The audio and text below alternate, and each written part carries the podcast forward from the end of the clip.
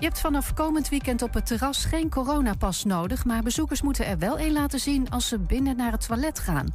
Minister De Jonge vindt het onhandig, maar zegt dat het echt niet anders kan. Hij droeg trouwens nog wel een oplossing aan. Horeca-ondernemers zouden dicties buiten kunnen zetten. Bij politiecontroles in de chique PC Hoofdstraat in Amsterdam zijn meerdere spullen in beslag genomen, zoals dure winterjassen en een Rolex-horloge. Ook is er iemand opgepakt voor witwassen. Aanleiding is een onderzoek waaruit blijkt dat er veel crimineel geld wordt uitgegeven in de PC Hoofdstraat. Zwangere vrouwen moeten ook de kans krijgen om een griepprik te halen, omdat pasgeboren kinderen behoorlijk ziek kunnen worden van de griep. Volgens de Gezondheidsraad kan dat zo vrij eenvoudig worden voorkomen. Geadviseerd wordt om de prik vanaf de 22e week van de zwangerschap te geven. Zes op de tien mensen willen dat er nieuwe verkiezingen komen. Dat meldt één vandaag. Ze hebben geen vertrouwen in de poging om een minderheidskabinet te vormen. D66 en het CDA staan er niet goed voor in de peilingen, maar toch ziet een groot deel van hun achterban nieuwe verkiezingen wel zitten. Het weer. Op de meeste plekken schijnt de zon. Morgen is het ook zonnig en dan wordt het maximaal 20 graden. En tot zover het ANP-nieuws. Thema beveiliging staat voor betrokkenheid, adequate optreden en betrouwbaarheid. Waar de concurrent stopt, gaat thema beveiliging net een stap verder. Thema Beveiliging levert alle vormen van beveiliging voor zowel de zakelijke als de particuliere markt. Thema Beveiliging, de beveiligingsorganisatie van het Oosten. Telefoon 053 4800 560 of stuur uw e-mail naar info@themabeveiliging.nl.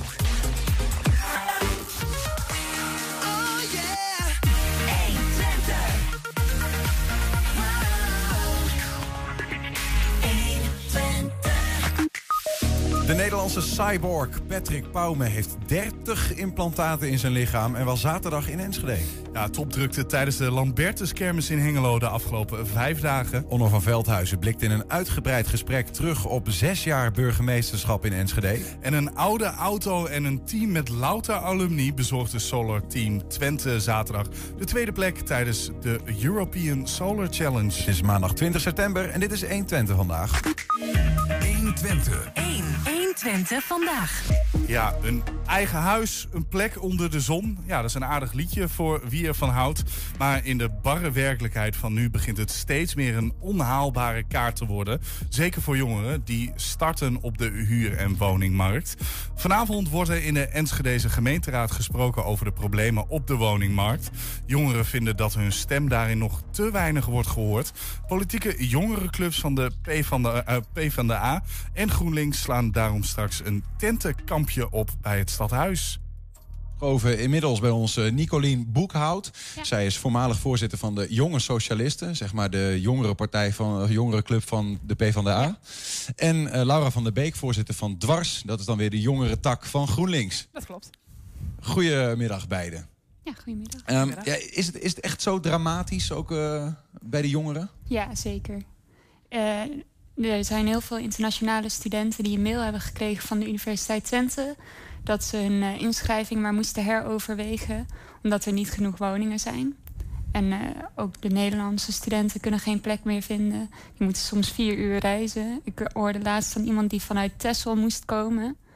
En ja, dat kan niet. Je kan niet elke dag vanuit Texel naar Enschede komen. Nee, nee, nee. En jullie zelf overigens, zijn zelf ook jong. Maak je het zelf ook mee?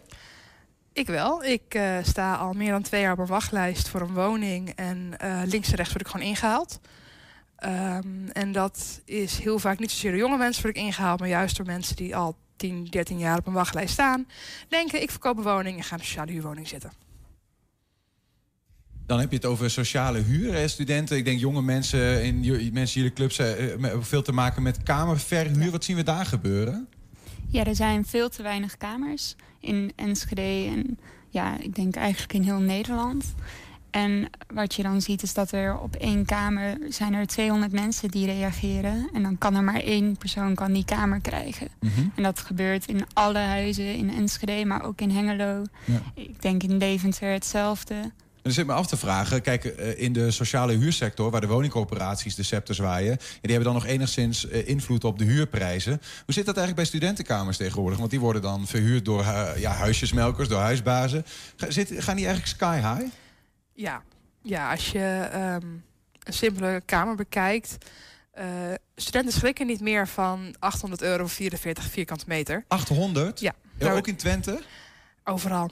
Het, het ligt echt aan wie je huurbaas is. En ook, er zijn huurbazen die vinden een aparte douche en wc al een luxe, waardoor je de prijs mag verhogen. Ehm, die kunnen zo gek niet bedenken of de prijzen worden ermee verhoogd. Ehm, Maar dat brengt studenten enorm in eh, schulden. Ja, Wat ze al hebben door hun studies. Maar ja, het komt weer bovenop de, de last van de normale studieschuld van het onderwijs. Het is, ik ken wel studenten die 20 uur in de week ernaast werken om domweg de huur te kunnen betalen en te kunnen eten en naar school te kunnen.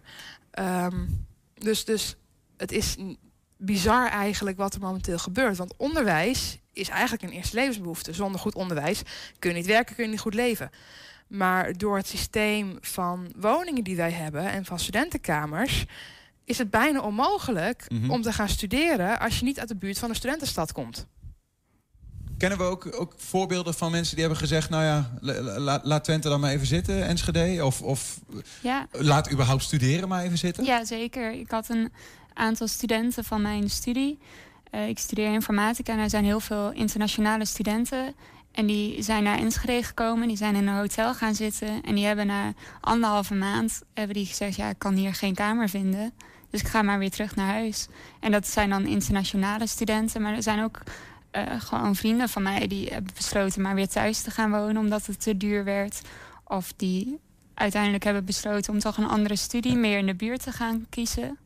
Hoe, hoe, hoe voelt dat voor, voor, voor jullie? Hoe, wat voor gevoel krijg je er eigenlijk bij? Ja, het is natuurlijk absurd dat mensen een, een studie moeten gaan uitkiezen. Niet op basis van wat ze interessant vinden, waar ze goed in zijn, maar op basis van locatie, zodat je het nog net kan bereizen. Dat zou volgens mij niet Je moeten kunt kunnen. betalen dus, ja, Ja. daarmee. Ja, En ook studenten uit gezinnen waar het minder breed is, hebben daardoor ook weer minder grote kansen. Omdat pa en ma niet kunnen bijschieten op de boodschappen, op de huur, op, op studiebenodigdheden. Mhm. En jongeren die rijkere ouders hebben, waar ouders wel kunnen zeggen van joh, wij betalen een deel van je huur. Of wij betalen je boodschappen. Die krijgen daardoor weer meer kansen. Is dat ook de reden? Want ik vroeg me ook even af. Jullie zijn van twee nou ja, partijen met een socialistische achtergrond. Eh, eh, ja, ik heb het idee, onlangs hadden we hier een gesprek met Jara Hummels, eh, fractievoorzitter P van de A in Enschede, dat het toch vaak de socialistische partijen zijn. Ja, dan zou je kunnen zeggen dat is ook logisch, want dat is, dat is wat socialisme ook is. Maar kijk, uiteindelijk hebben jongeren met wat meer, eh, nou ja, laat ik zeggen, VVD-achtergrond, hebben toch ook dezezelfde problemen. Maar die, die hoor je er minder over, heb ik het idee. Of, of zijn die er ook wel? Die zijn er ook wel, maar het klinkt misschien een beetje hard. Die komen wel vaak uit gezinnen waar het wat breder is. En waar dus misschien pa en ma een keer kunnen bijspringen op de huur. Daarnaast is dit echt een VVD-thema. En de JOVD staat ook hierachter. Die vindt het heel erg goed juist dat er marktwerking op woningen zit. Ehm, en vindt dat huisbazen de vrijheid moeten hebben Hm. om woningen aan te bieden zoals zij dat willen. Terwijl wij als JS en dwarsdenken, wonen is een eerste levensbehoefte, ook als je studeert. Wij zouden niet moeten speculeren of marktwerking moeten hebben op eerste levensbehoeftes. Ja, dat vinden ze overigens nog steeds, de JOVD Ja. ook. Want het, eh, lijkt mij, maar dat is even, ik weet niet hoe jullie daar naar kijken. De, de hele herkomst van deze gigantische eh, eh, topdrukte op de woningmarkt is marktwerking, toch? ja, zeker. Ja, op het moment dat er een tekort aan woningen ontstaat, eh, is er gedacht, nou, dan kan- kan de prijs omhoog, want mensen zijn bereid om meer te betalen. Maar dat gaat gewoon nog steeds door. En nou kunnen mensen het en niet meer betalen en er zijn te weinig woningen. En het is ook niet ehm, altijd echte schaarste. Het is ook een heel groot deel kunstmatige schaarste. Ehm, daar Wat is, bedoel je daarmee? Ehm, kunstmatige schaarste op de woningmarkt is dat eh, woningen bewust leeg worden gehouden. En dat gebeurt zowel in de particuliere huur voor normale woningen als in kamerhuur. Ehm, want als er schaarste is, kun je er meer geld voor vragen. En er zijn eh, oprecht huisjesmelkers die eh, woningen bewust langer leeg laten staan om schaarste te creëren. Hoe kom je daarbij? Er is een heel mooi onderzoek uitgebracht eh, door, door de gemeente Amsterdam. Over hun eigen woningen. En er zijn heel veel gemeentes zijn gaan kijken hoe gaat dat bij ons. En eigenlijk bij heel veel gemeentes kwam eruit dat zij woningen leeg hebben staan. Mhm. Die bestemming woning hebben. Die opgekocht zijn door particuliere beleggers. Gebeurt dat ook in eh, deze regio? In, Weten we dat? in Overijssel gebeurt het ook. In Zwolle is, zijn ze nu aan het onderzoeken hoe het zit. En daar komt, Ja. weten ze nu al dat eruit gaat komen. Dat ook daar kunstmatige Maar is dat op grote schaal? Want, want de, de vraag is natuurlijk ook, eh, wij zitten hier met elkaar, er is een probleem. Dat, dat ziet iedereen wel, denk ik. In ieder geval, de huizenprijzen stijgen, je noemde het al net. Ehm, en de vraag is, ja, het is nou zo gelopen. Je kunt heel lang emmeren over waar dat dan vandaan komt, waar het mis is gegaan. Maar kunnen we er nog wat aan doen? Of is, is de geest al uit de fles? Wat kunnen we er nog aan doen? Nou, we kunnen beginnen met meer sociale huurwoningen. En dan ook voor de laagste grens. Want tot 23 jaar heb je een lagere huurtoeslaggrens dan mensen die ouder zijn. Dus dat houdt in dat zeker mensen onder de 23 jaar op dit moment eigenlijk geen woning kunnen vinden. Dus meer sociale huurwoningen? Ja, dat is al een stap. Maar die, die moeten ook gebouwd worden, toch? Of ja, die, moeten ook gebouwd worden. Ja, er zijn genoeg plekken waar op dit moment nog gebouwd kan worden. Daar moeten we zeker ook beginnen. Maar we moeten ook kijken uh, of er niet eindelijk eens gekeken kan worden naar de marktwerking. Of we daar niet wat aan kunnen gaan doen. Want zo gaat het natuurlijk niet. Op welke manier kun je daar een, uh, een halt in toeroepen? Uh, ja, regelgeving.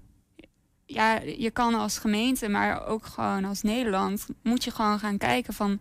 hoe uh, gaan we zorgen dat dit snel wordt opgelost. En er moeten gewoon regels komen waarmee je kan zeggen van... ja, je mag niet zoveel vragen voor dit huis, want dat is het gewoon echt niet waard. En je hebt nu wel het puntensysteem, maar door het puntensysteem daar uh, springen huurders, verhuurders heel slim op in. Um, doordat als jij bepaalde dingen in een woning hebt, mag je er meer geld voor vragen. Dus bijvoorbeeld een losse wc en losse badkamer. Maar er staat nergens hoe groot die wc of badkamer moet zijn of in wat voor staat. Um, dus je hebt huizen die hebben dan losse wc, losse badkamer, losse keuken waar er extreem veel geld voor wordt gevraagd. Maar als je er gaat kijken, dan zeg je van ja, maar dit is geen 600 euro waard. Maar volgens het puntensysteem wel. Ja. En ook, wat ook een hele goede is, gewoon herbestemmen. We hebben vaak leegstand in, is in oudere centra vaak, maar ook leegstand in heel veel bejaardencentra. Het is niet meer nodig dat wij complete nou, flatbuurten hebben die bestemd zijn voor 55-plus woningen. Wat je nu heel veel ziet in Twente, ook maar eigenlijk in heel Overijssel. Als jij gaat herbestemmen, dus de normale bestemming wonen erop zet, zonder voorrangsregeling, komen ineens heel veel mensen in aanraking voor die woning. Maar waar moeten die 55-plussers dan naartoe? We hebben minder 55-plussers. Die, die, die woning kunnen bezitten. Want we hebben een extreme grote hoeveelheid 55-plus woningen in Overijssel. Dat is echt bizar. Ik dacht ehm, juist dat er een vergrijzing was, dat er steeds meer uh, 55 is er wel, maar heel veel 55-plussers wonen gewoon in een dure koopwoning. En dat dan krijg je, als je, gaat, uh, als je kijkt op heel veel websites van woningbouwverenigingen, kun je gewoon lijsten krijgen met recent verhuurd. En dan zie je heel, vaak, kun je ook zien of dit de woning daadwerkelijk verhuurd is. En heel vaak staat erachter, niet verhuurd wegens niet genoeg interesse. En dat zijn heel vaak 55-plus woningen, waar ouderen van zeggen, maar die wil ik niet, want die ligt in een buurt waar ik niet wil wonen. Of die woning is gebouwd in de jaren 80. Mm -hmm. Maar jongeren onder de 23 zeggen, geef mij die woning. Want ik kan wel nog vier trappen op in een appartementencomplex dus zonder lift. Er staan gewoon allerlei uh, appartementencomplexen voor ouderen staan een soort van leeg ook. Er staan complexen vaak deels leeg. Want er zijn echt wel ouderen die die vier trappen zonder lift opkomen. Maar ook heel veel niet. En daardoor krijg je dus dat de complexen leeg komen te staan. Maar ik kan me bijna niet voorstellen dat jullie daarin politieke tegenstanders hebben. Jawel. Wat, wat is hun redenering? Uh, sommige partijen vinden dat je het echt de markt moet laten. Dat, dat de overheid niet moet zitten in iets wat particulier eigendom is. Of wat. Want een woningbouwcorporatie is een particulier bedrijf. Hè. Dat, dat is gewoon een bedrijf die samenwerkt met de gemeente. Er zijn partijen die vinden dat wij als overheid daar niet moeten aankomen, omdat mensen hun geld daarmee verdienen. Ja, goed, toch uh, is volgens mij het credo ook van, van het huidige uh, landelijke kabinet ook. Hè, we moeten bouwen, bouwen, bouwen. Dat, dat, dat is uh, een van de belangrijkste punten. Of is dat, zijn het dan loze woorden? Ja, tot nu toe heb ik daar nog niet heel veel van gezien. Maar ja, we moeten zeker bouwen, bouwen, bouwen. Maar daarmee los je het grootste probleem eigenlijk niet op. Want ze kunnen wel door blijven bouwen. Mhm. Maar als die woningen net zo duur zijn, dan kunnen we ze gewoon nog steeds niet betalen. Dus ook daar moet overheidsregie op komen, ja, wat jullie betreft. Daar moet ook regie over komen. Van hoe duur mogen die woningen nou eigenlijk zijn? We moeten ook niet vergeten, het credo bouwen, bouwen, bouwen is van Daniel Koerhuis de man wiens partij dit beleid deels nou eigenlijk voor 90% veroorzaakt heeft. Um, die ook heel vaak is verteld, joh Daniel, jouw beleid klopt niet. Je kunt niet bouwen en ondertussen tegen de markt zeggen, veel plezier ermee. Want dan wordt het gekaapt door de... Ja, uh, er stond van de week een stuk uh, van een woonwijk in Rotterdam... waar uh, drie vierde van de woning was opgekocht door buitenlandse beleggers. Ja, En ja, dan daar- wil daar je marktwerking in je bouw houden. Zeker waar. Dus, dus jullie zeggen, ik heb volgens mij drie concrete dingen. Hè. Meer, meer sociale huurwoningen. ehm, ehm, meer regulering. Eh, bijvoorbeeld die regels rondom wc's en weet ik veel wat allemaal. En toezicht op de prijzen. Ehm, en leegstand in appartementencomplexen voor ouderen of whatever Zelfs- herbestemmen. Oud woon- en oud winkelpand kun je prima herbestemmen. Als het leeg staat, staat het leeg. Ja. En dan kun je het beter bestemmen voor woningbouw of detailhandel. Ehm, gedeeld met woningbouw. En dat je het helemaal voor, woning, voor detailhandel laat.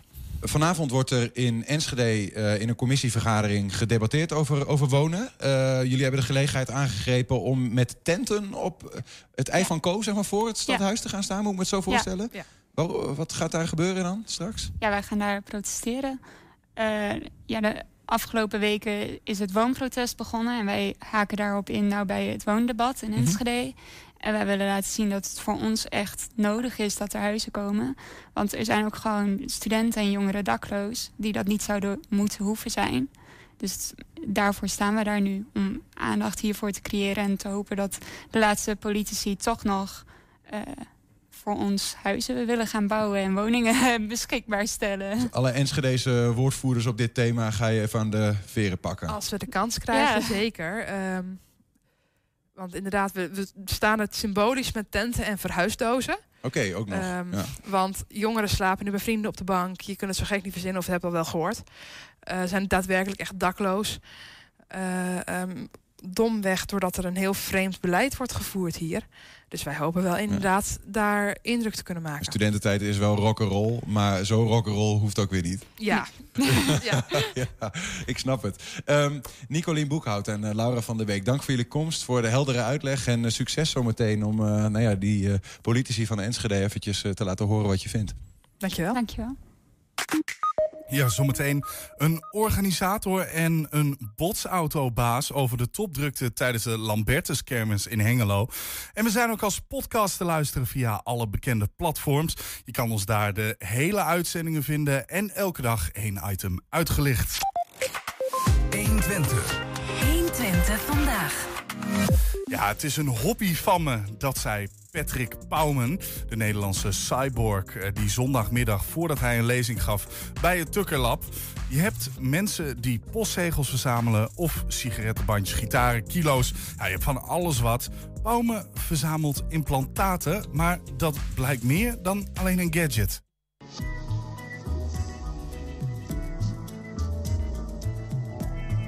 Patrick Bouwman, we staan hier bij Tukkerlab. Wat gaan we hier doen? Ehm, ik ga vandaag een lezing geven om eh, twee uur. Eh, een lezing over een hobby van mij, over eh, implantaten. Hoeveel implantaten heb jij? Maar je hebt zelf implantaten, hè? Ehm, ik heb op dit moment 31. 31? Ja. En wat, wat, wat voor een implantaten zijn dat? De implantaten die ik heb, dat zijn magneetimplantaten. Bijvoorbeeld in de, in de vingertoppen. Vingertoppen die zijn heel gevoelig. Die zijn rijk aan zenuwuiteinden. En als er een magneet zit en die magneet komt in de buurt van een magnetisch of elektromagnetisch veld... dan reageert die magneet erop. Eh, en dan kan ik van korte afstand kan ik dan die velden waarnemen. Die velden zijn onzichtbaar, die kan je anders niet waarnemen. Alle implantaten die ik heb, die zijn passief. Er zit geen batterij of, eh, of niks in. Ehm, zodra het in de buurt komt van een leesapparaat, wat, wat compatibel is daarmee, dan, eh, dan, dan wordt er een actie uitgevoerd. Bijvoorbeeld de, de autodeuren ontgrendelen, thuis de, de voordeur en appartementdeuren ontgrendelen, eh, zelfs voor contactors betalen. Eh, ja, ABN AMRO biedt eh, wearables aan. Wearables voor contactors betalen bijvoorbeeld een, ring of een eh, polsbandje, horlogebandje, smartwatch of sleutellanger. Dus heb ik een sleutellanger besteld. En de chip, de betaalchip, in plaats van dat ik die in de sleutellanger plaats... want ja, sleutels, pasjes kan allemaal kwijtraken... Dus de betaalchip ehm opgestuurd naar de fabrikant van de implantaten... en die heeft hem omgebouwd, geconverteerd naar een implantaat. En ehm, die heb ik onderuit laten plaatsen. Dus in de winkel eh, leg jij je hand op die scanner. Da- daar krijg je wel wonderlijke reacties op, denk ik, of niet? Ja, klopt. Ja. Als de cashier het al opvalt, want ehm, ja, vaak eh, dan let ze daar helemaal niet op. En als ze al eh, de- ja, erop opletten, dan vragen ze, hoe, hoe heb je betaald? Ja. Heb je iemand je horloge betaald? Nee, ik heb helemaal geen horloge om. Hey, en ik begrijp dat er vandaag in ieder geval één vrijwilliger is... die zegt van, ik wil ook zo'n implantaat. Ja, ja, is afwachten. Ik kan, ik kan altijd nog op het laatste moment nog zeggen... eh, nee, eh, ik wacht nog even mee. Wat voor een implantaat is dat, dat, dat geplaatst gaat worden? Dat is eh, zo'n implantaat die zit in een... eh, ja, dat, het is niet deze die eh, geplaatst wordt, maar, eh, want die zit in een steriele verpakking. Ehm, Dus uh, ja, de grootte van een rijstkorrel, 2 mm doorsnee, 12 mm lang. En wat kan die? Uh, dat is een NFC-implantaat. Uh, dus je kan ook met je smartphone kan je ook dat implantaat um, gegevens erop plaatsen. Bijvoorbeeld een van de toepassingen die ik gebruik om mijn visitekaartje te delen. Um, ja, ik vind het belangrijk dat dat ook mee geëxperimenteerd wordt. Wat is, wat is het belang daarvan? Ja, om uitleg te geven over uh, die technologie. Um, uh, dat het veilig is onder het lichaam, want ja, er zijn geen infecties. Uh. Het is veilig voor je lijf? Ja, het en, wordt niet afgestoten door het lijf. En, en, privacy? Want dat is natuurlijk ook wel een ding, hè? Ja, privacy is ook een ding. Um, maar daar, ook daarbij mag ik me ook mee geen zorgen. Want ik bepaal zelf wat er onder de huid wordt geplaatst. En ik bepaal zelf welke gegevens ik bewaar op het implantaat. Als het straks uh, net zo populair gaat worden als uh, piercings en tatoeages... dan uh, vind ik het wel belangrijk dat er ook mensen zijn die daar kennis en ervaring mee hebben. Ja, toch wel bijzonder dit. Ja, toch wel bijzonder. Zou jij doen? Um, Implantaten laten zetten oh, van, die, van die chips? Vind ik echt een hele moeilijke vraag, weet je dat? Ik... Ehm, ja, kijk, als je gewoon implantaten of chips die bijvoorbeeld, weet ik veel, bepaalde uh, lichaams uh, uh, dingen kunnen meten. En waardoor je zeg maar gezonder kunt gaan leven. iets tegen reuma of zo, laat ik zoiets zeggen. Nou ja, ik, dat, maar gewoon meer van ehm, dat, dat je lichaam meet van, hey, let op, je, je, je, je, moet, je moet even water drinken. Of je moet even dat. Ja, weet je wel, soms dan helpt dat om externe dingen toe te voegen. Aan de andere kant is het ook altijd wel een beetje apart of zo. Ik, ik weet het niet zo goed, Julian. Ja, je hebt ook altijd de grootste chip in je broekzak, hè? Ja, want Onno van Veldhuizen blikt in een uitgebreid gesprek met RTV Oost en 120 terug op zes jaar burgemeesterschap in Enschede. Straks hier een compilatie. 120. 120 vandaag. Het was de eerste grote kermis in de regio in anderhalf jaar tijd. De Lambertuskermis in Hengelo. De afgelopen vijf dagen werd hij bezocht door vele duizenden mensen uit Hengelo en de wijde omgeving daarvan. Aan de telefoon namens de gemeente Hengelo is organisator Auke Doornbos. En vanuit zijn volgende standplaats Berlicum in Friesland, kermisexploitant Martin Speelman. Heren, goedemiddag. Hallo. Goedemiddag. Om te beginnen met de organisator uh, Auke Doornbos. Lambertus Kermis is uh, supergoed bezocht geweest. En normaal zou je dan zeggen dat is prachtig nieuws. Nu ook? Ja, zeker. Het was gezellig druk. Het was gezellig druk, ja. Maar is het ook allemaal... Want ja, dan krijg je toch in deze tijd meteen die vragen. Is dat dan verantwoord verlopen ook? Corona-technisch gezien. Ja hoor, ik denk dat het verantwoord is verlopen. Daar hebben we de afgelopen drie, vier weken intensief uh, binnen de gemeente naar gekeken. Kan het wel, kan het niet. Hè? Waar moeten we daarna voldoen en waar moeten we rekening mee houden? En dat heeft goed uitgepakt. Dus en hoe werkt dat dan hier? Je, je, je hebt een, een evenement waar duizenden mensen komen. Moet je dan nog iets van een uh, ingang en een corona-check-app of iets dergelijks testen voor toegang? Nee, dat, uh, dat lukt in een binnenstad niet. Uh, want je hebt natuurlijk ook bezoekers van de horeca, de winkels en de wonen mensen in de binnenstad. Maar wat wij gedaan hebben is aan de ingangswegen tellingen houden. En kijken hoeveel bezoekers wij in onze binnenstad hebben. En zo kunnen we in ieder geval controleren of het niet te druk zou kunnen worden. En dan hebben we nog een aantal maatregelen voor, eh, bij de hand om dat eh, te begeleiden en in goede banen te begeleiden. En hoe test je dat dan? Eh, meet je het aantal vierkante meters dat je hebt en dan kijk je of er anderhalve meter tussen iedereen kan passen die binnen is? Of hoe moet ik dat voor me zien? Ja, zoals de, zoals de regels op de website van de overheid.nl ook staan. Het is uh, 5 vierkante meter per bezoeker. En dat zou betekenen dat in onze binnenstad er op dat moment zo'n 5500 maximaal zouden mogen zijn. En wat zou je dan, wat, ja, wat, wat zou je dan doen als het, als het er meer uh, zouden zijn?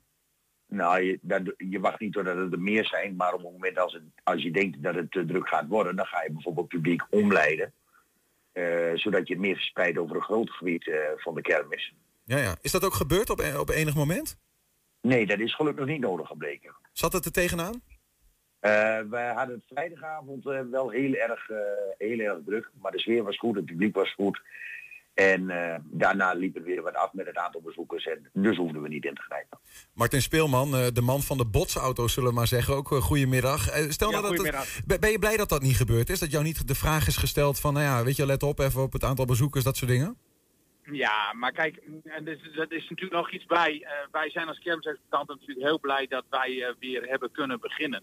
En dan werk je natuurlijk ook van alle kanten werk je mee uh, om het, het, evenement, in dit, dit geval mag je het geen evenement noemen, het is dus een kermis. want evenementen mogen niet. Ehm, in, in dit geval is het dus zo dat je go- goed met de gemeente contact houdt, eh, de boel in een goede banen probeert te leiden. Mhm. En maar wij zijn natuurlijk alleen er maar bij gebaat om, om open te zijn. En ja, eh, eh, soms dan moet je daar wel even iets, iets voor doen. Dus als het zo zou zijn eh, dat bij mijn botsauto's het publiek even omgeleid moet worden, ja, dan moet dat even. Nou, dan wordt het weer op een gegeven moment wat rustiger. Ehm, en dan, dan, dan kun je weer los. Hè? Want je gaat niet dicht. Je probeert het publiek eventjes wat te spreiden. Nou, daar zijn we natuurlijk zelf ook eh, constant alert op. Ehm, eh, de gemeente heeft de tekening in de binnenstad zo opgesteld dat er minder attracties op passen. Dat betekent dus dat je grotere tussenruimtes krijgt. En ja, dan kun je natuurlijk het publiek wat beter reguleren. Hoe En gaat dat dan? Want je zegt minder, minder attracties. Jouw botsauto's waren blijkbaar eh, geselecteerd of zo. Hoe, hoe, hoe gaat dat? Nou, nee, kijk, een, een, een kermis, een, een kermis en, ook de Lambertus kermis, ook het dorpskermisje waar ik nu weer heen rijd naar Bellicum. Kijk, je moet ervoor zorgen dat een kermis een, een gemarmeleerd aanbod heeft van attracties. En dat betekent eigenlijk eh, van 8 tot 80 voor iedereen wat wils.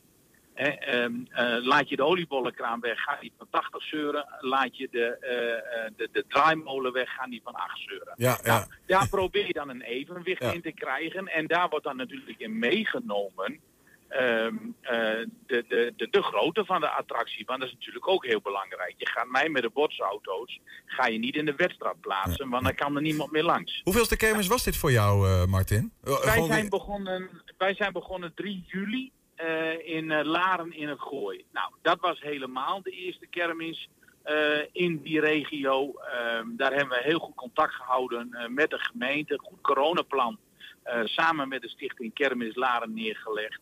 Die is geaccepteerd door de gemeente en dat is ook allemaal eh, heel goed verlopen. En net zoals de uh, en ik vind dat mag toch wel even op de radio gezegd worden, eh, zowel het gemeentebestuur, de burgemeester, ehm, eh, de pastoor van de kerk en zeker ook de organisatie van de gemeente die de kermis in beheer hebben, eh, die hebben hun nek uitgestoken om deze kermis door te laten gaan.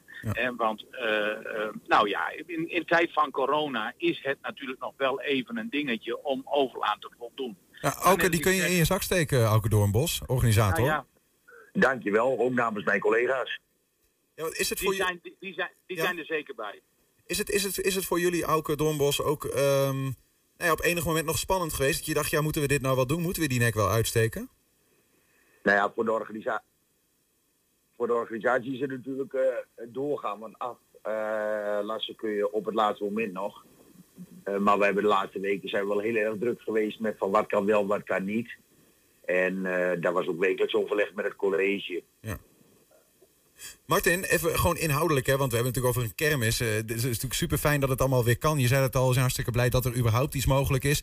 Wat hoorde jij, want je bent zelf inmiddels misschien al wel weer een beetje gewend... sinds eh, de, de eerste keer dat je dan weer mocht in Laren. Kan ik me zo voorstellen. Maar wat hoorde je nou van bezoekers, die hengeloers... die eindelijk weer een keer naar de kermis konden? Nou, kijk, ik denk dat wij eh, nu in Hengelo terug kunnen kijken op, op een goed georganiseerde kermis, maar ook eh, financieel gezien voor alle kermisexploitanten en ondernemers eh, in de binnenstad voor een geslaagde editie. En ja, kijk, eigenlijk eh, reken ik daar altijd in, in, in het enthousiasme in terug. Als er veel mensen naar de kermis komen en die gaan ook nog eens een keer geld uitgeven, dan denk ik dat ze eraan toe zijn. En dan denk ik ook zeker dat het gewaardeerd wordt door de hengeloers. Eh, wij hebben, eh, je krijgt bij de kassa gewoon mensen. Eén ritje kostte bij mij eh 2 euro. Eh, ik krijg bij de kassa mensen die 5 euro neerleggen en zeggen laat die 3 euro maar zitten, want eh, jullie Oh, ja. hebben al zwaar genoeg gehad. Wauw. Eh, kijk, Ja. ehm, de ondernemers, eh, horeca, wat om, om ik sta dan op het Marktplein met de botsauto's. Nou, Mhm. daar zitten, daar zitten twee horecazaken bij mij achter. Nou, die mensen die kwamen bij en zeiden, "Eh, als je naar het toilet moet, dan, dan kan je bij ons wel even naar het toilet hoor.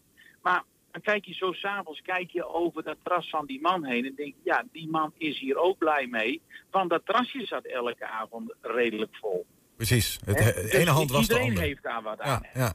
Auke Doornbos, Hengelo was vorige week ook even landelijk nieuws nog. Hè, toen eh, bekend werd dat de GGD eh, vrijdag en zaterdag op de kermis mensen zou gaan vaccineren. En da- da- daar was vervolgens weer tegen geprotesteerd. Hoe verliep dat allemaal? Een beetje ordelijk? Ja hoor. De, de, de demonstranten hebben de gelegenheid gehad om eh, een eh spandoeken neer te leggen. En dat is eh, rustig en ordentelijk verlopen. Dus Zijn er nog mensen die gebruik hebben gemaakt van die gelegenheid... om zich te laten vaccineren naast de suikerspinkraam? Ja, de, maar dat is nou fluitend. Heeft de GGD, of hebben ze ruim 150 mensen nog een vaccinatie gegeven. Oké, ja, dat is nog aardig wat inderdaad. Ehm, Tot slot, eh, eh, Martin, volgende week, eh, of volgend weekend sta je dus in Berlicum. Hè, en dan zijn alle maatregelen zijn eraf. Zin in dat het allemaal weer precies is zoals het ooit was? Nou, kijk, het wordt nog niet helemaal precies zoals het zo was. Maar we komen natuurlijk in Nederland steeds een stapje gelukkig langzaam verder. We wilden het misschien allemaal wel eens wat sneller. Ehm, ik, ik, ik denk veel aan eh, ehm, collega's en vrienden van mij die dus in de horeca zitten met nachthoreca. Nou, die jongens die zijn er nu nog lang niet.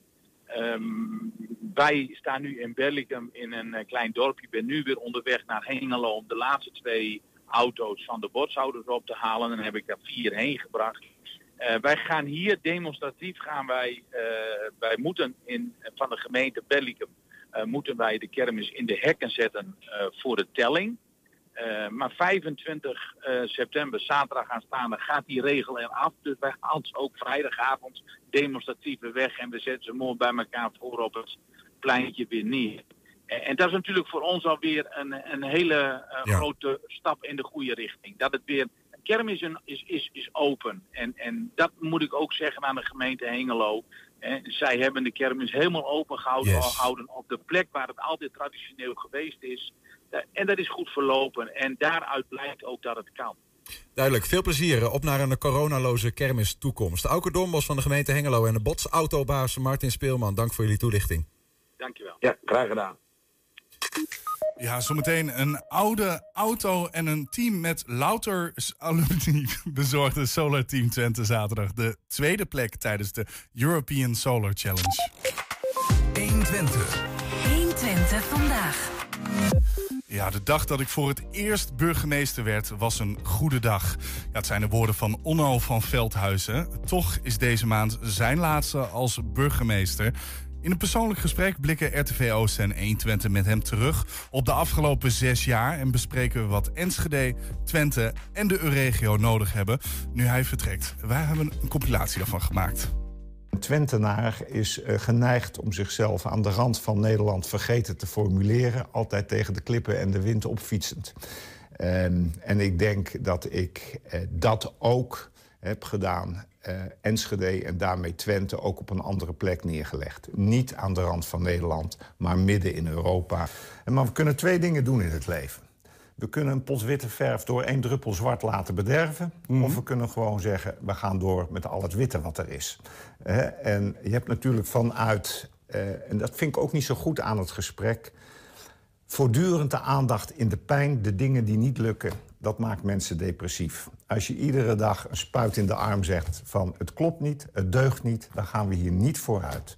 En als we eens ook gewoon eens met elkaar benoemen wat allemaal wel goed gaat en daar de lens op richten. Ik weet, het is geen nieuws, maar voor je kop en je hart is het wel heel goed als je daar met elkaar eens wat meer naar kijkt. En dat vind ik ook, het is te zuur in het publieke debat en dat is niet goed. Want dan durft niemand meer wat en kachelen we achteruit en niet vooruit. Natuurlijk mislukken dingen. Dat is doodnormaal in het leven. Columbus ging naar Amerika. Hij dacht dat hij naar India ging. En dat was een klassieke spinner. De mensen heten nu nog Indianen. Is dit, is dit, want ik zie, ik, ik proef wel echt de emotie hier, Ja. hier. Is dit iets wat u zeg maar tien jaar geleden als burgemeester van Hoorn ook op deze manier had gezegd? Of is het nu zo van, laat ik me daar eens echt fel over uitspreken? Dat laatste, Niels. Want het is eh, vaak veel te onveilig om dat als zittende burgemeester eh, te doen. Ik ben nu een gaande man en dan kan ik dat zeggen. Ik vind de kwaliteit van het driehoekje eh, politiek, eh, eh, pers, bestuur toenemend giftig. Daar, dat is niet de manier waarop je met elkaar in een samenleving. Maar het is natuurlijk wel de rol van, van de pers om ook ehm, juist op de pijnpunten een vinger te leggen. Om te kijken, zien we dat en hoe gaan we ermee om? Zeker, en daar heb je hele verschillende kwaliteiten in. Eh, ik bedoel, als je altijd een, gewoon een goed gesprek kunt hebben met hoor en wederhoor... zoals nu, wat je integraal uitzendt... dan is dat heel iets anders dan even een artikeltje zonder goede hoor en wederhoor, waar de grootste onzin in staat. Ehm, ja, en dat wordt denk ik ook steeds minder relevant. En als de politiek daar weer op gaat reageren, en we zitten weer in het toernooimodel, winnaars en verliezers, debat in plaats van dialoog. Alle mensen hebben behoefte aan dialoog, een echt gesprek van mens tot mens. En ik vind dat dat driehoekje dat steeds minder presteert. En we zouden erin moeten uitblinken met elkaar. Want als we het daar niet doen, wat vragen we dan van de mensen die we vertegenwoordigen? Als we er in de raadzaal een puinzooi van maken en niks tot stand brengen... wat vragen we dan, wat geven we dan als goed voorbeeld? Ik heb liever dat mensen me onderschatten dan overschatten. Uh, dat is veel effectiever. Maar dat beeld klopt niet wat u betreft. Het advocatenbloed is nooit ver weg. En, uh, dus uh, ja, ik ben een verbindende knokker of een knokkerende verbinder.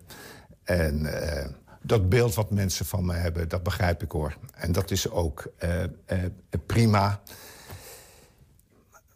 Ja, dat is natuurlijk als publiek figuur altijd zo. Mensen hebben allerlei beelden over je. En uiteindelijk... Maar u heeft zelf nooit het idee dat u als bestuurder, mm zoals u bent, empathisch, soms wat van het woord en, en uh, zeg maar, een, als er een ruimte is, um, mensen ook die ruimte gunnen in plaats van hem zelf innemen, misschien ja, wel? Ja, ik ben dienend. Um, ja. dat, dat, dat, dat, dat het misschien niet de goede karaktereigenschap was als burgemeester of bestuurder van Enschede en Twente. Heeft u dat gevoel nooit gehad? Nee, heb ik nooit gehad. Omdat ik uh, ook weet, als je het anders doet, isoleer je in zo'n systeem razendsnel.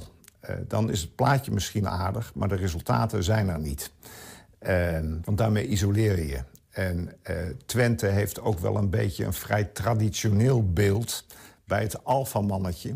dat het wel even regelt. dat zijn dan de sterke leiders. Nou, die tijd is echt voorbij. Waar ik vind dat we het met z'n allen niet goed doen... is op dit moment ehm, de sfeer in de raad. Uh, daar is onvoldoende kwetsbaar vertrouwen om wat we gemeenschappelijk hebben, die zorg voor die stad, echt handen en voeten te nemen. Hoe merken de inwoners dat? Nou, dat er een aantal dossiers eh, niet loskomen. Of het nu gaat over energie of over de moskee. Dat zijn padstellingen. En bestuur is echt beslissingen nemen. Uh, op basis van de grootste gemeenschappelijkheid in een sterk versnipperde raad. Daar, daar zit je voor. Je zit niet om je verschil te vieren en te benadrukken. Je zit er uiteindelijk om gewoon een beslissing voor die stad te nemen. Dat is de kern van je werk. Als je aan mij persoonlijk vraagt, wat vind ik de goede school... dan is dat toch de open norm. Omdat ik vind dat we vertrouwen moeten geven aan verstandige mensen... in de uitvoering om het goede te doen. En is het niet juist van te veel van, juist van wantrouwen uitgegaan? Ja, uh, dat, denk ik, uh, dat denk ik ook. Hoewel natuurlijk als je het hebt over... Nee, laat ik dat simpel houden. Uh, ja, ik denk dat dat zo is. En ik denk ook dat dat in onze wet ingebakken zat. Um, en ik denk dat we heel vaak van wantrouwen uitgaan. En dat dat ontzettend kostbaar is. Want wantrouwen is duur, vertrouwen gaat sneller en is goedkoper. Ja, en het hele gesprek is terug te zien op 120.nl en ons, op ons YouTube-kanaal 120 Enschede. Ja, zometeen show- en marchingband EVC Enschede speelde gisteren het eerste concert na corona. 120. 120 vandaag. In het Belgische Zolder deed Solar Team Twente afgelopen zaterdag een gooi naar de winst bij de European Solar Challenge. Bijzonder, de club ging met de auto van vorig jaar en een team dat volledig uit alumni bestaat. Omdat de nieuwe auto met team al richting Marokko is voor de Solar Challenge Marokko. De Twentenaren stonden lang eerste, maar moesten toch na 23 uur aan kop te hebben gelegen het hoofdbuigen voor het team uit België. Aan de lijn is een van de vier coureurs, Jan Lensen. Jan, goedemiddag. Goedemiddag. Ja, tweede is geen eerste. Aan de andere kant, jullie reden met een oude auto, alleen alumni. Hoe kijk je nou aan tegen die uitslag? Uh, ja, we zijn er nog steeds hartstikke trots op. Uh, we hebben het goed spannend gemaakt. Uh, en uiteindelijk ging de winst net naar het Belgische team toe. Het was toch ook een soort van revanche eigenlijk op jezelf van vorig jaar, begreep ik, of niet? ja, wij doen, doen al meerdere jaren mee in de European Solar Challenge. vorig jaar hadden we wat meer technische problemen met Red E. Dit jaar, eh, toen hebben we met dezelfde auto's geraced, zowel wij als het Belgische team. Dit jaar eh, probeerden we het opnieuw. En nou ja, zijn we hartstikke trots op het resultaat dat het zo spannend is geworden. dat, dat punt kunnen we zeggen dat het een beetje een revanche is geweest. Ja, nee, maar ook omdat, tenminste, correct me if I'm wrong, dat jullie um, eigenlijk dit jaar zeg maar als extra team meedoen. Uh, omdat die gelegenheid er was. Er is een team wat naar Marokko gaat. Jullie hebben alumni bij elkaar geschraapt van we gaan het gewoon nog een keer proberen. Ja, precies. Uh, dit jaar is er een extra editie van de European Solar Challenge ingelast. Normaliter is die in het, uh, het andere jaar dan het wereldkampioenschap. Ja. dat het wereldkampioenschap in Australië was afgelast, is deze extra wedstrijd in het leven geroepen. Um, maar ondertussen is ook de Marokko Solar Challenge opgericht. en daar gaat het team zelf naartoe. Uh, dus zijn we met een groepje alumni bij elkaar gekomen, hebben wij de auto uh, opgeknapt en uh, zijn we aan deze wedstrijd mee gaan doen. En je hebt zeg maar ook allemaal andere teams die daar meedoen. Want was het een beetje hetzelfde als hoe normaal een European Solar Challenge zou zijn? het leek er zeker op. het was weer, een, weer dezelfde ervaring. Er waren wel iets minder teams. En je zag ook dat meer teams er gebruik van maakten om het ook wel als een testlocatie te gebruiken voor de aankomende race in Marokko straks. Ja, want, want hebben die ook allemaal met hun oude auto geraced? Of zijn die met hun prototypes hier naartoe gegaan? Of uh, hoe, hoe hebben andere teams dat ervaren? Um, ja, een beetje van beide eigenlijk. Het, uh, je zag wat oudere auto's uh, rondrijden, maar waren ook die de nieuwste auto meenamen. Um, wij, wij konden dat niet. We hebben dus de, de nieuwe auto al richting Marokko verscheept. En daarna hebben wij een, een oude auto meegenomen. Wij, wij, krijgen, wij hebben een hele rare lijn nu op dit moment. Ik weet niet of je je telefoon op een andere stand houdt... of dat je ergens in een bunker bent gaan zitten.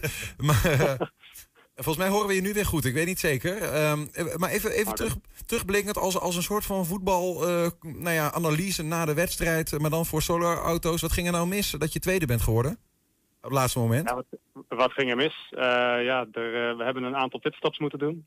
Uh, er zijn een paar technische problemen geweest. We hebben een band gehad waar een stuk rubber vanaf is gescheurd. Ja, die moet je dan vervangen. Uh, dat zijn dingen die horen bij de wedstrijd. Hoe lang duurt een pitstop bij een solo auto? Uh, meer, dan, meer dan een paar seconden. het, gaat dan, het gaat dan vaak om een paar minuten in totaal. Maar ja, je moet binnenkomen rijden, je moet weer wegrijden. En ja, het ging erom wie de meeste rondes in 24 uur rijdt. En die, ja, elke seconde daar telt nog steeds. Je um, bent zelf ook een van de reservecoureurs voor, het, uh, voor de wedstrijd in Marokko, klopt dat? Dat klopt, ja. ja ik, uh, ik ga mee als, als begeleiding van het team. Uh, er komen heel veel alumni ook nog die kant op straks. en ik ben een van de, ik ben de reservecoureur dan straks. Het team zelf heeft, heeft drie coureurs. Hoe kijk jij naar die auto die zijn nu? Want die, die ziet er heel anders uit, hè, die Red Horizon. Hoe, hoe, die, hoe, hoe kijk je naar die auto? Ja, dat is weer een, een mooi stukje techniek. Uh, ze hebben weer hun best gedaan. Uh, die auto's die worden altijd ontworpen naar een set regels. Mm -hmm. Die verandert elke, elke twee jaar. Uh, er zitten weer genoeg uitdagingen bij en ik heb er veel vertrouwen in dat het weer goed gaan doen. Is dat dan, want je zegt al, hè, die, die auto's gemaakt omdat de regels veranderd zijn. Maar welke is dan nu beter? Zou het maar zo kunnen dat jullie auto beter is dan die Red Horizon? Of is dat gek om te vragen?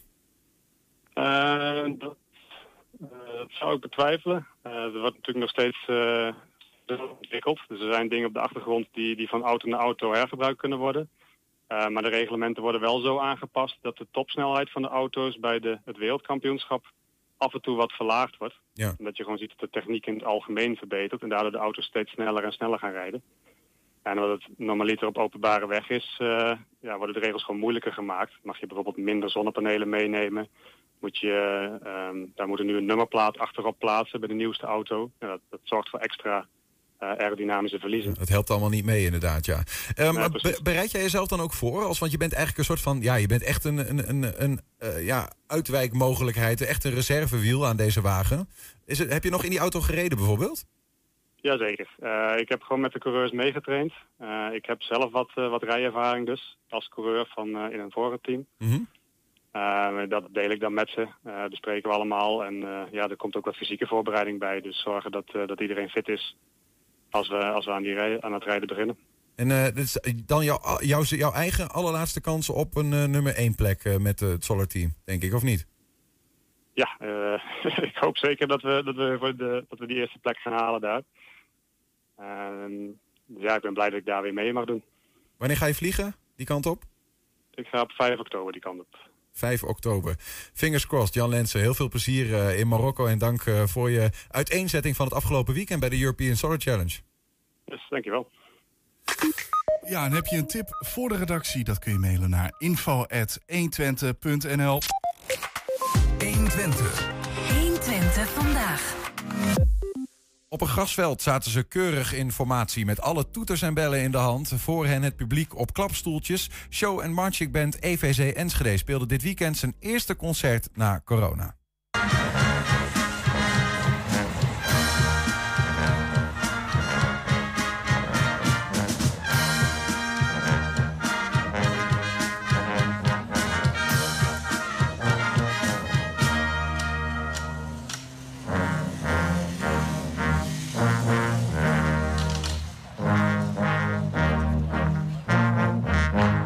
Telefoon is eh, voorzitter van EVC Martijn Broshuis. Martijn, goedemiddag. Martijn Broshuis aan de telefoon. Ja, goedemiddag. Hey, goedemiddag. Ja, wa- was dat lekker? Ja, dat was heerlijk. Ja, we hebben eh, bijna anderhalf jaar niet gespeeld. En eh, ja, we hebben afgelopen zondag de, de stoute schoenen aangetrokken. En we hebben een klapstoelconcert eh, eh, zijn we gaan organiseren. Welke instrument bespeel je nou zelf? We zitten naar jullie te kijken. Ah, oké. eh bassdrum. Bassdrum of backers, dat wisselen we af en toe af. Bassdrum, heb jij dan zo'n zo'n gigantische ton voor op je lichaam? Ja, klopt, klopt. Ja, ja, ja. Ja, ik heb zelf ooit bij een band gespeeld. En jullie lopen ook door de straten, toch? Klopt, klopt helemaal, ja. Ja, en de- daar had de man met de bassdrum ook altijd een soort van tijgerkleding aan... om nog extra woest over te komen. Heb jij ook nog zo- zo'n soort van trademark? Nee, nee, nee, nee, dat heb ik, dat heb ik niet. Het is een beetje warm soms in de, in de zomer. Nee, dat, eh, dat hebben wij niet. Hey, maar jullie, eh, in dit filmpje wat we nu zien van, van eh, afgelopen weekend... zijn jullie gewoon stilstaand op, op één plek. Ja, klopt. Is dat, dan, is, dat, is dat iets wat jullie vaker doen of was dat nu voor de gelegenheid? Eh, nou ja, dit, dit was voor de gelegenheid, omdat we graag weer muziek wouden maken. En eh, ja, het is zo goed bevallen dat we dat denk ik in de toekomst wel vaker gaan doen. Hebben jullie nog eh, zeg maar reacties vanuit het publiek? Ook mensen die heel erg blij waren eindelijk weer iets live te mogen aanschouwen? Ja, zeker. Wa- wa- dit was nou eigenlijk een concertje wat we niet zo heel veel aandacht aan hebben gegeven. Maar ja, op het laatste moment een beetje via Facebook en, en andere social media kanalen. Ja, en er zijn gewoon mensen op afgekomen en die waren gewoon echt super blij dat ze weer eh, een, een anderhalf uur konden luisteren naar eh, live muziek. En hoe zat het voor je eigen leden? Je zegt het zelf al even heerlijk, maar eh, hoe, hoe wa- waren die extra zenuwachtig of iets dergelijks ook? Ja, sommige mensen waren echt wel zenuwachtig om weer wat, eh, wat voor, voor de mensen te, te mogen spelen. Ja, dat geeft natuurlijk een hartstikke goed gevoel. Hoe heb je de afgelopen tijd eigenlijk de boel bij elkaar gehouden? Nou ja, dat is, dat is best, wel, eh, best wel heel lastig. Alleen eh, wij hebben een, eh, een goede instructeur, dirigent. En die heeft eigenlijk elke repetitie hebben wij online zijn we blijven houden. En de ene keer hadden we een, een, een quizje, de andere keer hadden wij lichte muziek uitleg hoe je dat moet spelen. Hoe je bepaalde accenten moet spelen, want dat is toch iets anders als, als gewoon een masjes. En ja, zo hebben wij eigenlijk elke week wel contact met elkaar blijven houden. En ja, we, we zijn eigenlijk geen leden kwijtgeraakt daardoor. Oké, dit is gewoon helemaal intact. Iedereen kon weer Ja. eh, zo door. En, en, en dus inderdaad. eh, meer onderlegd theoretisch misschien dan ooit. Eh, ja, zeker. Dat is, dat is zeker waar. Dat heeft natuurlijk altijd wat opgeleverd. Hoe geldt dat voor jezelf eigenlijk? Hoe heb jij die afgelopen coronaperiode beleefd in het niet kunnen spelen samen? Nou ja, dat is natuurlijk vervel- ver- vervelend. Je, je, je, de woensdagavond is onze repetitieavond en, en daar ga je altijd met plezier naartoe. En eh, je bent bezig om wat voor te bereiden voor een concertje of een show of, of, of een taptoe. Ja, alleen dat was, dat was gewoon de andere, eh, afgelopen anderhalf jaar niet zo. Mhm. Dus ja, dat, is- dat is gewoon vervelend. En dan ben je des te blij dat we, dat we zo'n concertje weer kunnen geven. Maar goed, als je dan eh, die, eh, wat je zegt, hè, de, de, de, de quizjes of even wat stukje theorie of zo, daarmee ja, ben je natuurlijk niet aan het repeteren de nummers die je normaal doet. Hoe was dat bij die eerste repetities dan? Was het gewoon weer from the top van vooraf aan iedereen alsof ze nog nooit gespeeld hadden of ging het meteen vrij goed? Nou, ik moet heel eerlijk zeggen dat ons dat uh, verbaasde. Want normaal gesproken als je een blaasinstrument doet, moet je natuurlijk altijd die oefeningen uh, blijven doen om, om, om, om, uh, om de steun en dat soort dingen, allemaal die blazenstemmen, uh, om, om, om lucht te blijven houden. Maar dat ging, ging eigenlijk heel goed. En het laatste half uurtje, drie kwartier zag je wel dat, dat, dat uh, muzikanten het op hadden, dat ze niet meer konden blazen. Ja, op apengaap allemaal. ja, precies, omdat ze zo lang niet, niet wat gedaan hebben. Maar ja, eigenlijk ging, ging het boven verwachting goed, de eerste repetities. En ook qua, qua het kennen van de nummers. Ja, die, al die muzikanten die lezen natuurlijk van een blaadje, die, die bladmuziek. Dus dat valt allemaal wel ja. mee misschien. Ja, dat klopt. Dat klopt, ja. ja. Staat het volgende project eigenlijk alweer op de planning, Martijn? Ja, dat, dat doet het. Uh, ook omdat we met corona hebben gezeten en hoe gaan we verder. Heeft onze uh, denktank zijn, zijn aan, het, aan het denken gegaan. Wat, wat kunnen we wat, kunnen we iets nieuws doen? Want mensen willen, willen graag iets nieuws. En daarom gaan we 25, 26 en 27 maart 2022 een sing-along concert organiseren op vliegbasis Twente in Hangar 10. En dat gaat een eh, project worden met meerdere orkesten eh, eh, uit Enschede. Onder andere de christelijke vervaren de Bazuin.